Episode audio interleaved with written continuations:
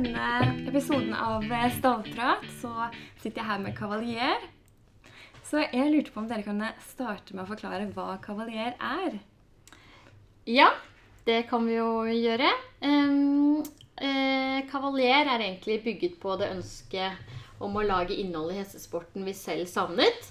Vi er jo tre eh, som jobber sammen eh, i et kommunikasjonsbyrå og lager eh, content eh, i det daglige. Eh, og er veldig interessert i hest, alle tre. Så det ble naturlig mye hesteprat på jobb. Um, og så fant vi ut at det er, det er få uh, arenaer hvor man kan finne inspirasjon og informasjon som er i det digitale universet som man finner f.eks. i moteverden. Um, og først så var vi litt sånn Ja, skal vi uh, pitche på en av de store aktørene i Norge? Uh, og så fant vi ut at nei, men vi kan jo gjøre det selv. Vi tar saken i egne hender og lager et nettmagasin med akkurat det innholdet vi, vi, ønsker å lage, og som vi mener kan være med å løfte hestesporten i Norge. Så det har egentlig Kavalier er Altså visker ut de linjene mellom det å være hobbyrytter og profesjonell rytter. Vi ønsker å være seriøse nok og ha eh, den tyngden som sportsrytterne ser etter. Samtidig som vi har mye fokus på storytelling og, å være nedpå. Og Kavalier skal være Kavaler er et nettmagasin som skal være for alle. Det mm ja, for Dere har også veldig sånn fin rød tråd gjennom alt. liksom, Når dere på en måte legger ut bilder og Dere har liksom veldig samme stil i alt. Var det planlagt? Ja, det var jo egentlig planlagt, fordi vi er jo ekstremt uh, bevisst og glad i det estetiske. Alle, alle, sammen, egentlig. Så det har absolutt vært et hovedfokus og mye inspirasjon igjen da, som vi selv kanskje har savnet. da, Som ikke vi har sett helt i i Norge selv. Mm -hmm. ja. Og så bygger vi jo merkevarer for folk jobb, eh, på jobben til vanlig. Eh, så vi vet hva som skal til, hva som ligger i grunn for å bygge en gjenkjennelig merkevare som folk liker å bruke. Så vi startet jo egentlig det hele sånn som vi bygger kundene våre. Vi begynner eh, med en visuell profil, vi fikk utviklet en logo, satte de faste fargene, og den følger vi fortsatt. Mm. Ja, for det så. gjør dere virkelig. Det syns jeg er veldig fint. Ja. er, eh, ja. Men vi kan ta en liten runde rundt, så kan dere introdusere dere selv lite grann. Mm. Skal jeg begynne? Ja. ja. Eh, jeg heter da Celine Mie Storvik. Jeg er 33 år. Jeg er utdannet tekstforfatter, så det er det jeg gjør til vanlig. Jeg har alltid uh, hatt en interesse for hest, men veldig på et sånt hobbynivå. Jeg er i rideskolen på kaldblodshester da jeg var liten. og ja, Syns egentlig det var helt topp. Jeg ga meg med det da jeg ble tenåring, og tok det opp igjen egentlig litt likt som Tina for et par år siden igjen. Så nå er jeg fòrrytter for en eh, fantastisk og ekstremt sta og vanskelig hoppe som heter Manila. som jeg rir primært eh, dressur på. Ja. Og jeg heter Madeleine Dilt Bergsjø, og jeg er også fòrrytter for en ekstremt sta og vanskelig hoppe. som heter eh, Jolly og holder til på Horsle i Bærum. Der jeg sprang en gang i uka. Og jeg er tidligere feltidsrytter for, eh, men slutta da jeg var 17-18, da jeg ble russ og fikk andre ideer i hodet. på en måte. Og så har jeg lyst til å begynne å konkurrere igjen, men det har liksom ikke kommet helt dit ennå. Nå er det mye greier. Det blir mye hest med kavaler uansett, på en måte. Ja. Så vi får se hva som skjer. Jeg heter da Tina. Tredjemann i gjengen. Um, rir dressur. Har en hest som heter Basso, som er en nederlandsk varmblått, som står på Tanum. Eh, og prøver å sjonglere mellom eh, hest og jobbe med kavaler og som rådgiver i eh, Gelmund Kise, sånn i det daglige. Mm, Storkoser meg med det. det er jo, kavaler er jo virkelig et lidenskapsprosjekt for alle tre, så vi bruker mye tid på det. Men jeg tror i hvert fall alle syns det er verdt det. Det blir vanskelig å si nei. Sånn. ja, for det snakket vi om litt før podkasten startet at eh, det, Jeg spurte det må jo ta veldig mye tid, så hvordan har dere liksom tid til det og ridning og vanlig jobb? struktur, planlegging. Vi har eh, jevnlige møter. Eh, sender som regel ut eh, statuser ukentlig. Hva er det som er i loopen kommende uken og uken etter? Eh, så det handler om å strukturere arbeidsoppgavene og fordele det så jevnt det lar seg gjøre ut på, utover teamet, så det ikke er én person som sitter og, og drar lasset hele tiden. Ja, det hadde blitt slitsomt. Mm. Men eh, Ja, for du nevnte jo litt hvorfor dere startet, men eh, eh, ja, har du lyst til å fortelle liksom, hvorfor startet? Var det hovedsakelig fordi du følte noe manglet på eh, hestefronten? Ja, altså Vi er jo estetikere alle tre, og spesielt Selina og Madeleine. Og vi var nok alle litt eh, frustrerte over eh, de plattformene som fantes før Kavaler, var litt lite inspirerende. Enten så var det veldig fokus på sport, eller så var det litt sånn kjipe nettsider med layout som så ut som det ble satt på 90-tallet. Um, og hestesporten er jo egentlig veldig visuell. Altså Hest er jo veldig estetisk vakkert. Så vi hadde lyst til å lage en arena hvor folk kunne måtte komme inn i et univers og, og fordype seg litt i um, personlige historier, hva som rører seg i sporten både nasjonalt og internasjonalt. Um, så ja, vi sier at det var, var sånn det startet. At alle tre var litt sånn ah, men hvorfor må vi hele tiden søke til utenlandske nettsider for å finne uh, det vi er på utkikk etter? Det vi ønsker å lese. Og for min del også som innholdsskaper så har jeg holdt på med dette hele livet. på en måte. Jeg har jo alltid dratt på stevner og tatt bilder av hester og filmet og laget ting for, for mine egne sosiale kanaler. da, så Men jeg har aldri hatt et sted å poste alt sammen. Så jeg kom tilbake fra Oslo Horse eller Drammen Spring Tour og hatt liksom hundrevis av bilder og vært sånn Hva skal jeg gjøre med disse bildene? Jeg får ikke brukt dem til noen ting. Men nå har vi endelig liksom en skikkelig fin plattform å dele det på med andre. da. Ja, for dere har jo vært uh, ute og reist. Dere reiser jo på stevner. Prøver dere å få med dere alt som skjer? Jeg skulle ønske de kan, på en måte. Ja, men Dere har jo vært på de fleste tingene som har vært i Norge. Og på det året her så har vi jo fått liksom spent over det aller meste og, uh, og de store tingene.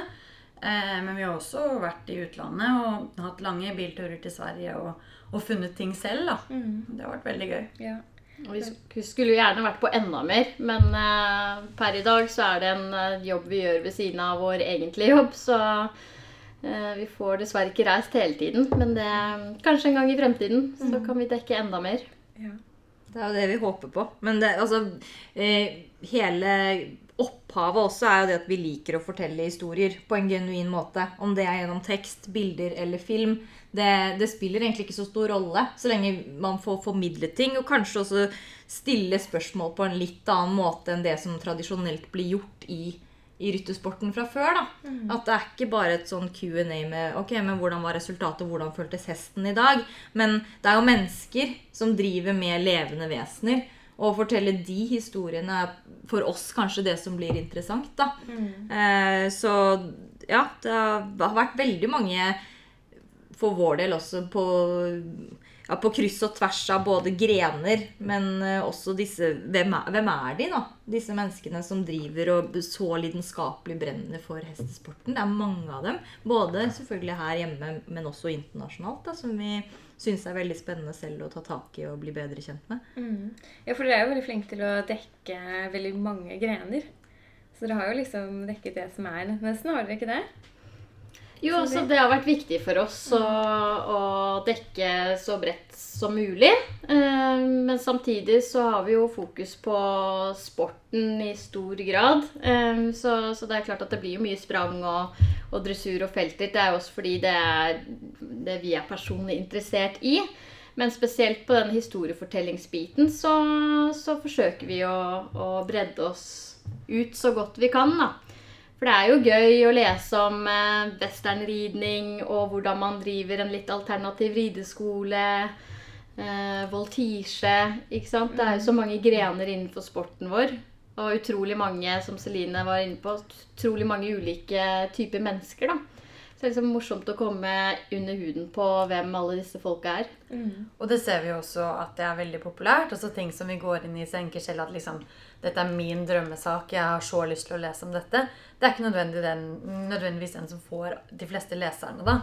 Og vi ser jo det at noen av våre mest leste saker på det hele året vi har holdt på, er eh, om en helt ukjent islandshestrytter på 20 år, liksom, som driver med det liksom på hobbybasis og konkurrerer litt og sånn. Det er den som liksom desidert har lest flest ganger, da. Ja, det er det. Så man blir veldig overrasket over sånne ting innimellom også. Og det ser vi også med ute når vi er hos de forskjellige miljøene, hvor eh, flinke de er til å bygge opp rundt sine egne ryttere. da. Både islandshestmiljøet eh, og feltidsmiljøet også veldig gode på det. Så det er veldig gøy. Så var jo, Du var jo også på um, fjordhest-NM. Ja, Og der var det vel også veldig sånn man heier på hverandre. Ja, da og ble jeg faktisk liksom faktisk, en eh, et stort team. Ja, da ble jeg sånn. helt, eh, helt sånn blåst av banen, egentlig. Altså, fordi jeg har vært mye på det i Drammen og på Lindesvollen og sittet på Gjelsten Arena og sett på sprang. Eh, Men den NM-finalen for fjordinger, det var et helt annet trøkk. Det kan ikke sammenlignes med et vanlig sprangstevne. Så det var, eh, det var faktisk ganske rørende å yeah. se folk komme fra liksom hele landet og stå og skrike til de som er på banen som hopper 60 cm, liksom. Det var, det var skikkelig fint, da. Ja. Hvem er det som har gjort eh, mest inntrykk av de dere har intervjuet? Det er egentlig veldig vanskelig å si eh, og skulle kategorisere det, eh, fordi vi liker jo å se kontrastene. Både mellom personene vi snakker med, og også grenene. Og så lenge man har et brennende engasjement for noe, så, så spiller det på en måte ikke så stor rolle hvem man er, eller hvor stor man er, eller hvor liten man er i miljøet. Men det er jo klart at vi hadde jo et mål i fjor eh, om å reise på en europatur eh, og besøke Philip Ertz-familien i Belgia. Og da vi satt på flyet ned dit og hadde med oss eh, filmfotograf, og hele teamet på en måte var på tur i kavaliermerchen vår, og det var god stemning, da det, Jeg tror på en måte at det også ble en sånn milepæl for oss å få Ja, lov å dra ut i Europa mm. Og intervjue noen som Og komme hjem til denne familien som er så ekstremt eh, etablert da, i sprangmiljøet. Eh, og komme litt under huden på de. At ikke man bare står på et stevne, et World Cup-stevne og får stille fem kjappe spørsmål mens de står og egentlig ser på noe helt annet. At man får lov å møte dem i ro og fred. Eh, er klart at det var kjempespennende. Og så dro vi også videre til Nederland. Til, eh, til Oda Lyngvær, som, er i, som står på, eller bor ved Stahl Henriks. Eh, og det var egentlig litt halvtilfeldig at vi endte Ja. opp der. At vi krysset en landegrense. Vi visste ikke engang at det var i Nederland før vi kryssa. Og at hun så åpen Altså, hun følger oss på Instagram, vi følger henne. Eh, men hun er jo ikke sånn kjempekjent i Norge, fordi hun har bodd så store deler av livet sitt i utlandet. Men å komme dit og på en måte bli tatt imot ved denne helt perfekte stallen, eh, salgsstallen nede i, i Nederland, hvor ting er helt annerledes enn det vi er vant til her hjemme. Eh, og bli kjent med henne, som er en helt vilt fascinerende person. Det Ja, det, ja. Ja. det, det står høyt, altså. Ja. Det var kult. Og det var jo, som du sier, det var jo tilfeldig at vi dro dit. Hun sendte oss eh, en melding på Instagram fordi hun så vi var hos Philip Hatch. Og bare ja, vi bor en eh, halvtime, 40 minutter unna. Vil dere ikke komme Ja. innom og si hei? Ja. Så ble det til at vi var der ute en hel dag og filmet og tok bilder og, og intervjuet Oda og, og familien. Um, og så er det jo litt gøy, da, sånn som familien Philip Hatch. Altså, på det tidspunktet hadde vi 1000 følgere på Instagram. Vi er jo et 1000 da vi dem, ikke sant? Oh, Å mm. Vi er jo fortsatt et lite magasin hvis du ser det internasjonalt øye med, da. Men fordi de syns Kavaler lager så fint innhold, og, og føler at de kan identifisere seg med, med det contentet som blir lagd av Kavaler, så, så ville de sette av en dag med oss, da. Og de har jo en busy timeplan, så Ja. det var utrolig gøy, altså. Og de er jo bare så superstars. Ja, altså, det- ganske kjekke. Det må være lov til å innrømme det. liksom. Vi trenger ikke å leke at vi er så kule. Nei, Det var veldig gøy. Ja. Hvordan tok dere kontakt med dem? Det, det, er en litt, eh, det er en litt funny historie, fordi vi eh, traff eh, Olivier under Kingsdale Oslo Hårshow i fjor. Og intervjuet han veldig kjapt der. Eh, det var første gang vi traff han. Og så traff vi han igjen i, eh, i På Stockholm International i, eh, i desember. i desember. Og da eh, klarte, klarte vi å stille han spørsmålet ok, på slutten av intervjuet med han eh, When can, can we come visit you in Belgium? og så svarte han Whenever you want. Eh, og da tenkte vi at ok, men nå er det bare å kjøre på. Så vi Da ble Celine betatt. da ble jeg litt betatt eh, og klarte da å sende av gårde en mail hvor, jeg, hvor vi la frem det vi ønsket å gjøre. og, og sånn, og da, da skal jeg innrømme at jeg la et lite lydklipp av akkurat at han sa det. Vi hadde, vi hadde det på film. Vi hadde det Det er bevis. bevis. Så, at, eh, så da var vi velkommen, da. Mm. Mm. Ja. ja, man må jo bare Eller, ja. Jeg tror man på en måte må spørre. Tenke at det verste som kan skje, er at man får et nei. Mm. Eh, nordmenn generelt er jo eh, litt sånn Man blir fort kanskje litt sånn 'unnskyld at jeg er til', og det er mye jantelov som man er styrt av og sånt, men eh, vi har vel egentlig bare gitt litt F i det. Og kjørt litt på. Tenkt at eh, det man Altså, det blir ikke noe mer enn det man skaper selv. Nei. Så- Og dere lager jo også veldig liksom, Det er jo veldig fine ting, på en måte. Som, ja, som dere hadde jo veldig rød tråd. De må jo også være sikkert veldig fornøyd med resultatet. Ja, De er veldig fornøyd med Ja. resultatet, og eh, Hennes og Maurits også har jo Ja, delt veldig mye av det vi har, eh, har gjort og, og sånn fra vi var der.